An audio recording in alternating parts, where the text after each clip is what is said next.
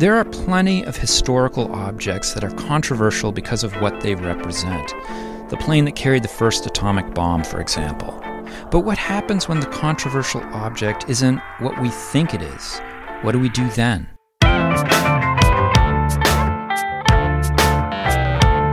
It's time to eat the dogs. I'm Michael Robinson.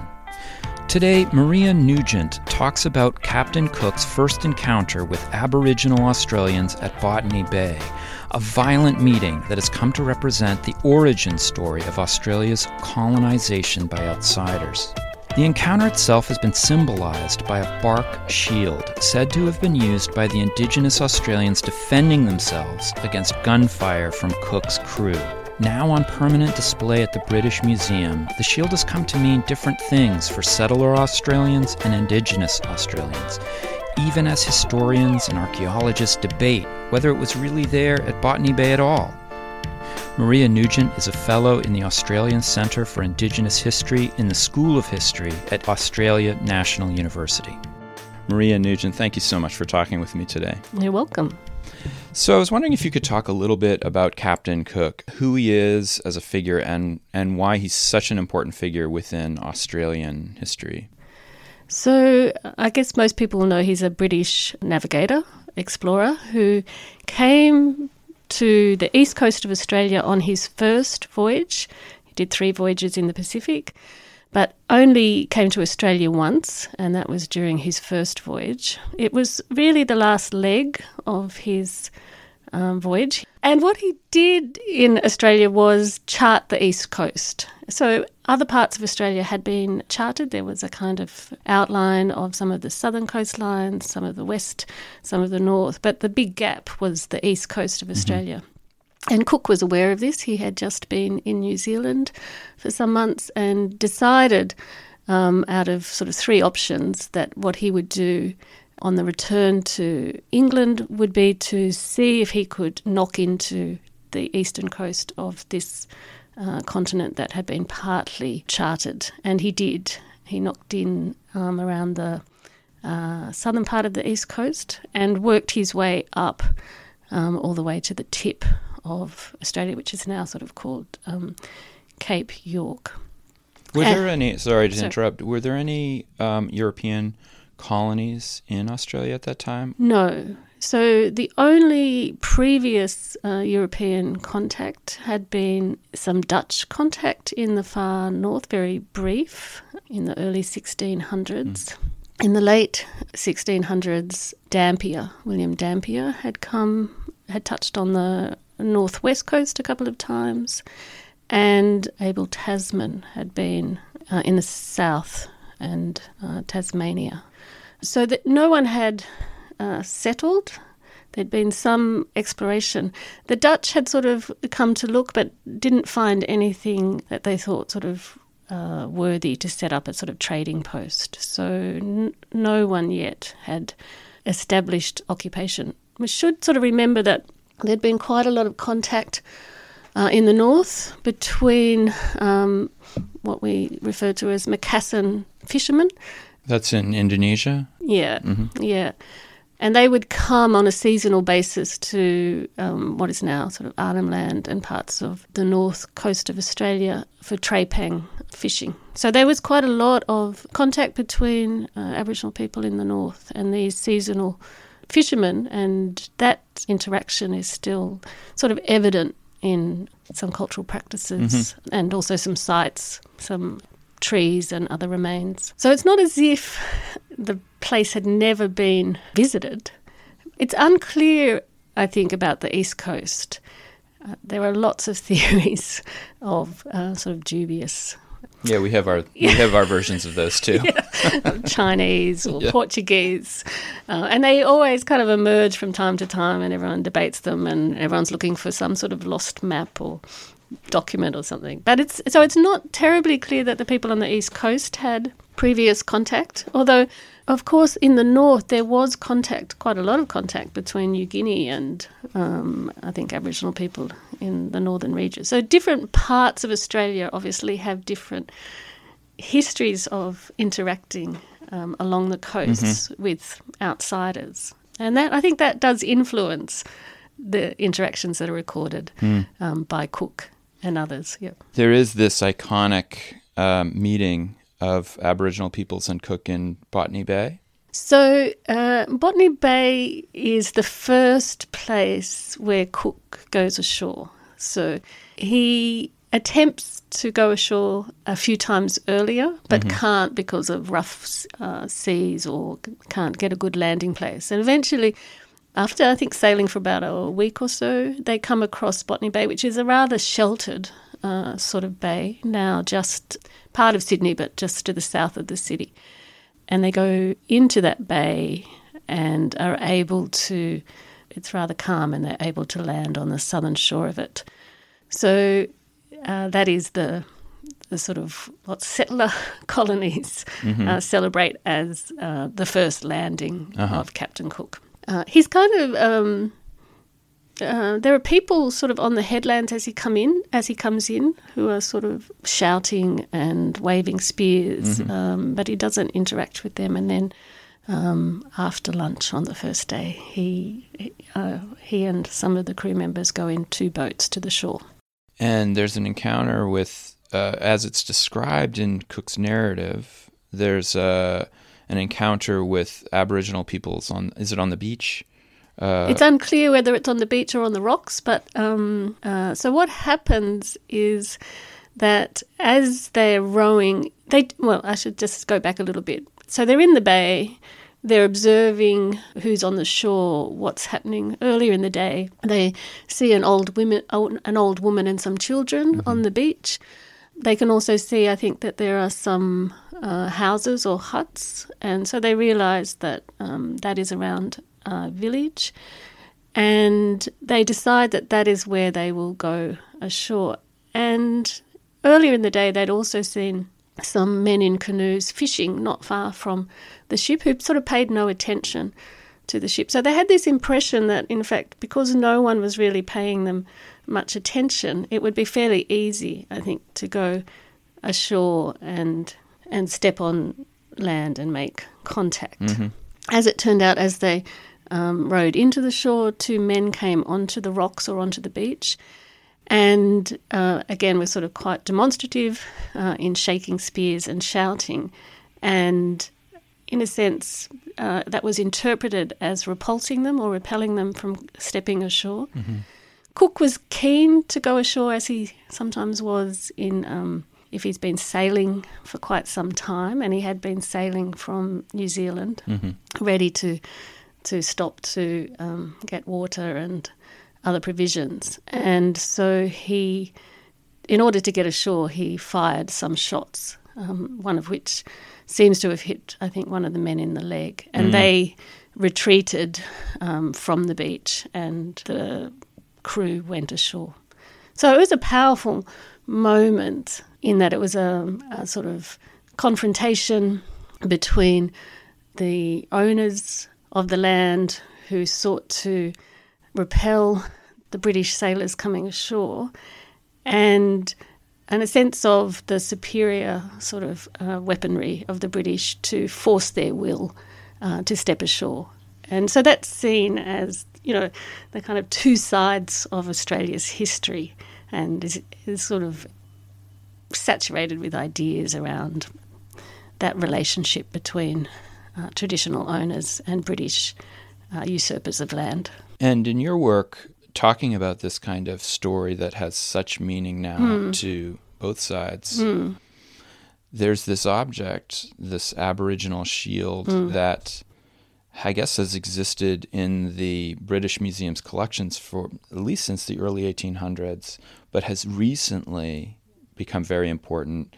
You know, what does the shield look like, and and why do you think it's become such a, an important and controversial object? So, so there is a shield in the British Museum's collections. It's unclear when it came into the collections, but at some point in its life as a museum object, it has become associated with uh, Cook's expedition. It's a fairly, it's a large shield. It's undecorated. It's um, made of red mangrove. It's very sort of solid, sturdy. It sort of curves around in a way that um, looks like it would protect the torso.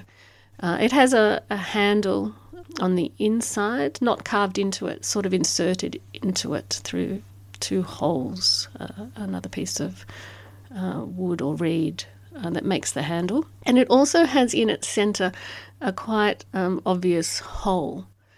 So it's a it's a powerful object. It's it's not really noticeable from being intricate or decorated. Uh, if you, it's on display, it's been on permanent display in the Enlightenment Gallery of the British Museum since about 2008, mm-hmm. perhaps. You write that it's kind of a star object within the, the British exhibitions on oh, it's Cook and Australian history.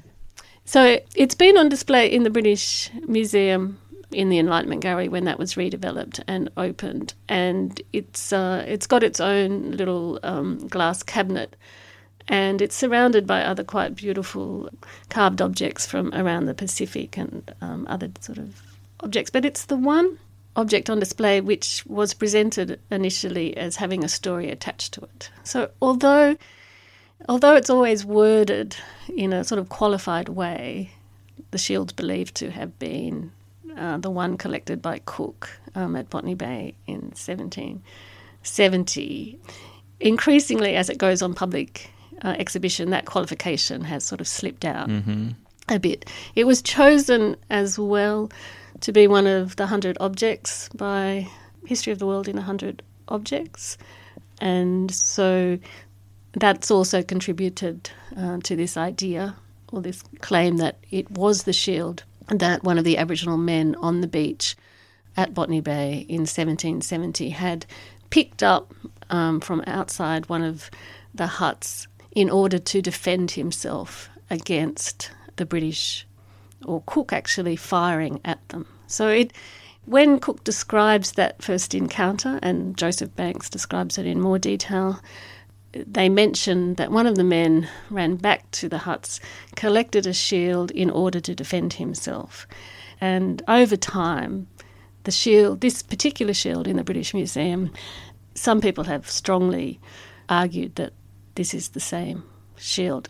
They've done that mainly on the basis of features of of how it looks, uh, its there's size. A, there's a painting, isn't there, where it looks somewhat similar. It's got a little hole in it. That's that's from the time. That's from the narrative. So it's not exactly from the time. So it's um, it's from the year after. Mm. So when the Endeavour returns to England, uh, and they have a number of objects. Banks, Joseph Banks, who's wealthy, employs some people to draw um, a lot of the material they've brought back. And there's um, one picture that has some spears in it and a, and a shield. And, uh, you know, at one level it looks like the shield, and at another it doesn't. Yeah. So Nick Thomas, um, the director of the Museum of Archaeology and Anthropology at Cambridge University, has recently published um, an article in which he claims quite clearly that uh, the object in the drawing and the object in the British Museum's collections are not the same hmm. thing. And he's done some some photographic work just to really show that the angle, the shield in the drawing couldn't possibly be the shield in the collection. You um, you have this line, which I think you say was originally stated by Sara Ahmed, mm. saying that some some objects are sticky. Mm. I was wondering if you could talk about that.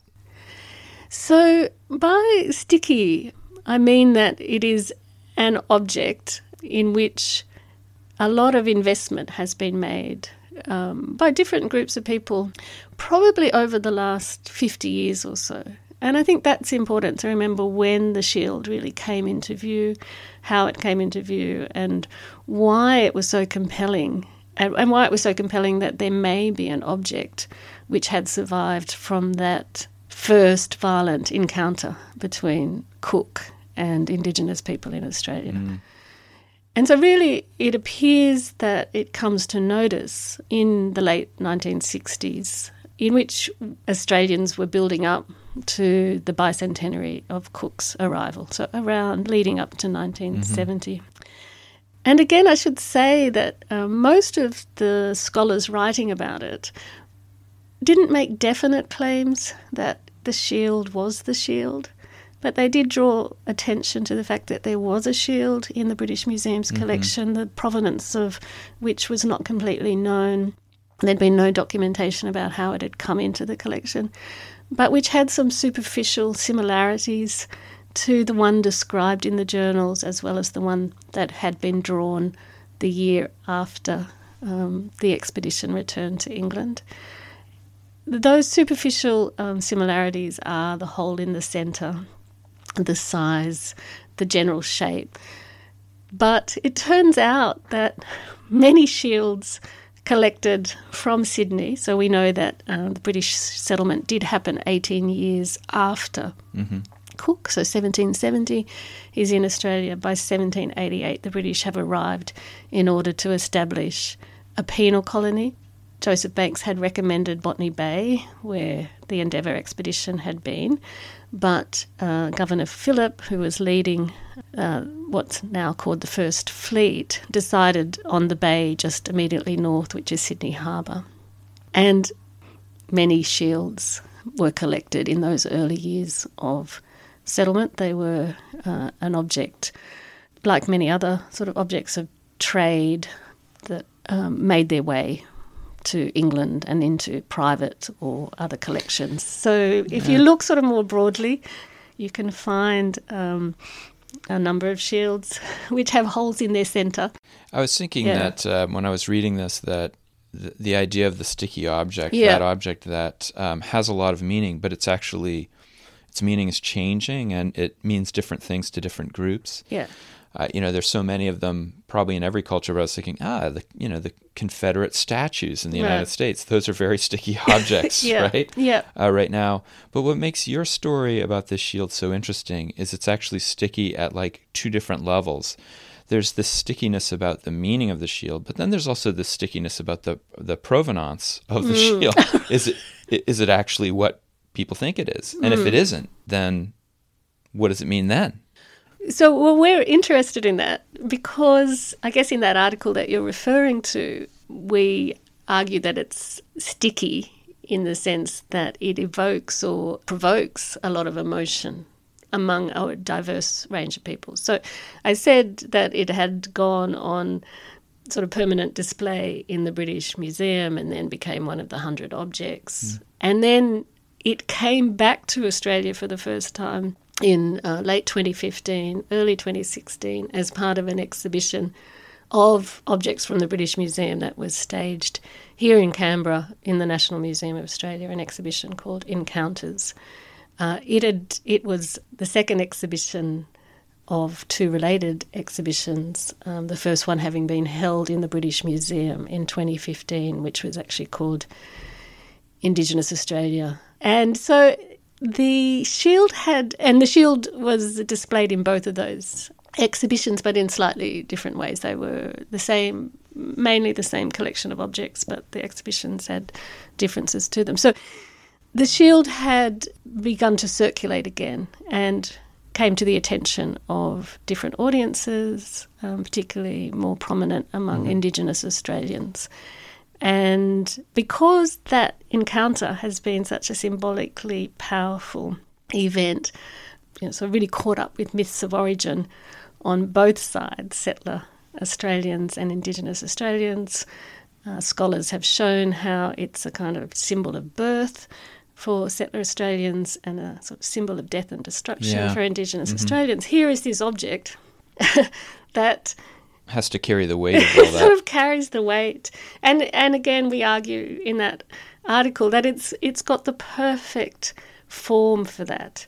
It's a shield, it's protective, it has a hole in the center. So if you wanted to make a prop, yeah, this is kind the of the perfect prop. prop um, because it's like someone shooting. What you do is you defend yourself. The whole idea that you know that encounter, a colonization, has been one of um, contest, aggressive, violent mm-hmm. acquisition mm-hmm. of land in which Aboriginal people um, were forced to defend themselves in their land against violent onslaught, and that the gun played a powerful part Yeah. in that. Uh, and so it's even if I and my colleagues um, say until we're blue in the face um, that the hole was not made by a bullet, yeah. bullet or um, I don't think they had bullets or shot or whatever. Mm. I don't know the specifics of the firearms, although uh, we did get an expert on firearms to look at the hole in some detail. I think that doesn't that won't matter in a way. Some objects are always going to be um, have meaning beyond the particularities of provenance, and so I guess one of the things I have learned in this process of looking at the shield in much more detail than I did in my first work um, on Captain Cook was that f- a kind of forensic approach only takes you so far. Yeah. Um, that cultural meanings, political meanings, what something represents is probably going to have more force than detail. And it's it's interesting. It, maybe this is true in other parts of history, but I think especially in the history of exploration, there is a certain community of people who are extremely interested in getting the details right. Oh, yes. And the details, when you get the details right, then you have the true story. Yes. And so the interpretation of the story part for this community is maybe less important. But I feel very strongly, like you, that you know I I chase things down all kinds of rabbit holes that I know aren't true, but Yeah. but they're interesting. Yeah. And I actually on that point, Hmm. I think when we were talking er, talking earlier, you had mentioned that Aboriginal peoples themselves have a history, an oral tradition of Yeah. cook. Is that true? So they do in in different ways. So when we say we must remember, and I guess maybe for your uh, northern hemisphere listeners, that Aboriginal Australia is made up of about 250 different languages and different groups, and so Cook is actually kind of encountering different groups of people up the coast. So and what happens, I guess, after Cook is they have very different histories of colonial encounter. So, of course, the people around Botany Bay, it's 17, um, 18 years later that British colonisation begins, it begins in their country and continues. Whereas um, the people in the north, where Cook was after his ship was wrecked up around Endeavour River and Cooktown, colonisation didn't really happen until an, a hundred years later. Uh, so their oral traditions are different than people in the south. At the same time, around uh, the build up to the 1970s, Aboriginal groups across Australia, in places where Cook never went, also developed oral stories about Cook, in which he becomes a kind of figure in their account of Australian history, the troubles the, um, Yeah. that colonisation causes them, uh, even today. So he becomes a he becomes a sort of archetypal figure who's incorporated into or, uh, Aboriginal people's oral accounts about how the situ- how the contemporary situation developed, and so he figures there as a well, in quite different ways. In some uh, Indigenous traditions, he's seen as a kind of positive figure. In others, a very sort of negative figure. It strikes me that this is uh, uh, when I when you were talking about this. I think you know, in I looked mostly at Arctic exploration or hmm. polar exploration in my first book, and African exploration in the second book, and there's so much in those stories that are even though the you have a narrative and you have all you have sometimes you know scientific instruments barometric pressures and all that Yep. there's this whole range of things that are unknowable and I've always been interested in those things but what you're providing is in a sense the the corollary you're finding those those stories hmm. whose provenance is totally unclear Yeah, but from a group of people who've been hidden from Yeah. the narrative. yeah, yeah. I think that's really interesting, and it actually makes me it makes me think about the work that you're doing. You know, uh, Felix Driver, uh, who we've talked about a little bit, who uh, came out a few years ago with um, I can't remember the name of his. Do you remember what it was called? Hidden Histories of Exploration. I think it was called Hidden yeah. Histories Yeah, talks about you know we have to try to bring back the these uh, invisible people to the story itself. And it feels very much that that's a theme that runs through all all of your work that I've read. Yeah, yeah. Do you feel that there's apart from let's say the moral impetus to Mm. do that? Do you feel that there's something that we learn about that history or those communities by that approach, that perspective? Oh, I think there's a great uh, deal to learn there. I mean, one of the things that I've been trying to do in my work on Cook is to really um, take back that first encounter. Um, to say that something much more complicated was going on there, it's very easy just to say that that's a kind of example of straightforward conflict, as if you can understand it in very sort of simple terms. And particularly, I was unsatisfied in the way that in settler kind of memory and commemoration, implicit in its representation was that the Aboriginal men were cowards or that mm. they had just fled and disappeared, and as if they had left the scene, leaving the beach and the country available for taking. And that's really what the mythology was about. Mm-hmm. And I think that once you look much more closely at the journals and that you look, you read them with Aboriginal people, and that's what's been going on, I think, up in Cooktown and also around Botany Bay, that people are reading those accounts. And they can read, I think, in between the lines because they have the cultural knowledge about how people interact with outsiders, what they what they value, what they understand around processes of what we might call conflict resolution, how you encourage newcomers to sort of come in but sort of stay in sort of public places where you're happy for them to be, but not to come any further close to other places which mean much more to you. So, what one of the things that is a challenge of working in, on um, exploration in Australia, and I've been working more recently with some colleagues, Shino Konishi and Tiffany Shellam, on more like inland exploration, is that in Aboriginal culture, country, what they call country or land, is incredibly important, and you don't get big, big buildings or sites or being built up. It's just that all the meaning is kind of embedded in uh, the country itself, Yeah. and so Cook can't really see the country through the same eyes. It doesn't have the markers like established villages or Yeah. um, pens for domesticated animals or crops, but clearly certain parts of the country uh, in which he sort of steps um, have different uh, meanings. So when I was reading, I think Cook's account of Botany Bay, once you get beyond that first dramatic encounter, you can see some logic and patterns in the way that the local people are hmm. dealing with this presence of of British people in their country.